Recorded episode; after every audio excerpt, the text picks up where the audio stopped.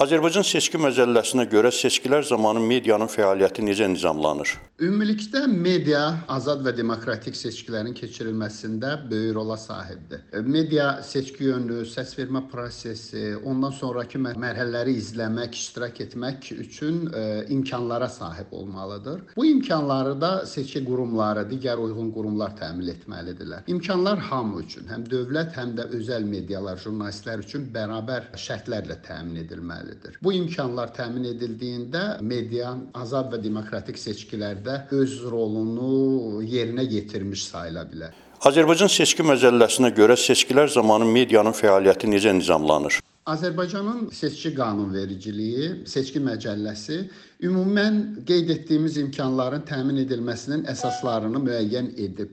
Qanunvericilik seçki prosesində ə, mətbuat azadlığına həssas yanaşılmasını, bu azadlığa hörmət bəslənilməsini açıq ifadə edib. Eyni zamanda ə, qanunvericilik aydın mətnlə göstərib ki, öz peşə fəaliyyəti ilə məşğul olan bütün media nümayəndələrinin işinə maneçilik yaradılmamalıdır. Onlara yardım gö göstərilməlidir. Hər hansı maneçilik yaradılması ə, məsuliyyət ə, yaradan, hüquqi məsuliyyət yaradan davranışlardır.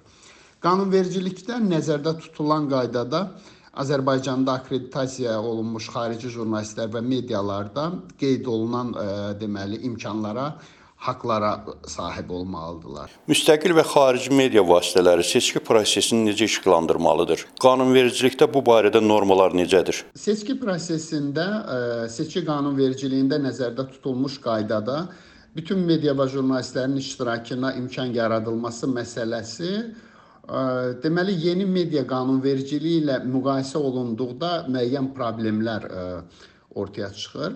Media qanunu akkreditasiya ilə bağlı yeni tənzimləmə ortaya qoyub. Qanunun mətnindən də aydın görünür ki, akkreditasiya olunmaq imkanına media reyestrində qeydiyyatdan keçən jurnalist və medialar sahibdirlər.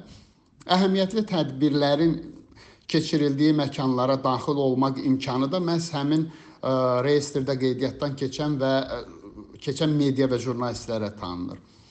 Burada müəyyən problemlər ortaya çıxır. Azərbaycan Ədliyyə Nazirliyində indiyə qədər qeydiyyata alınmış kivlərin sayı 6000 civarındadır. Amma media reyestrinə daxil edilmiş mediaların sayı dəqiq deyil. Media Agentliyinin rəsmilərinin açıqlamalarına görə belə mediaların sayı təxminən 200 civarındadır. Yerdə qalan ə, mediaların durumu necə olur seçki prosesində iştirak məsələsində ə, aydın deyil. Onlar ə, azad və demokratik seçkilərin keçirilməsinə öz töhfələrini verə biləcəklər, bilməyəcəklər. Bu ciddi sual yaradır. Yeni qanun ə, göründüyü kimi buna ə, problemlər yaradır, çətinliklər yaradır.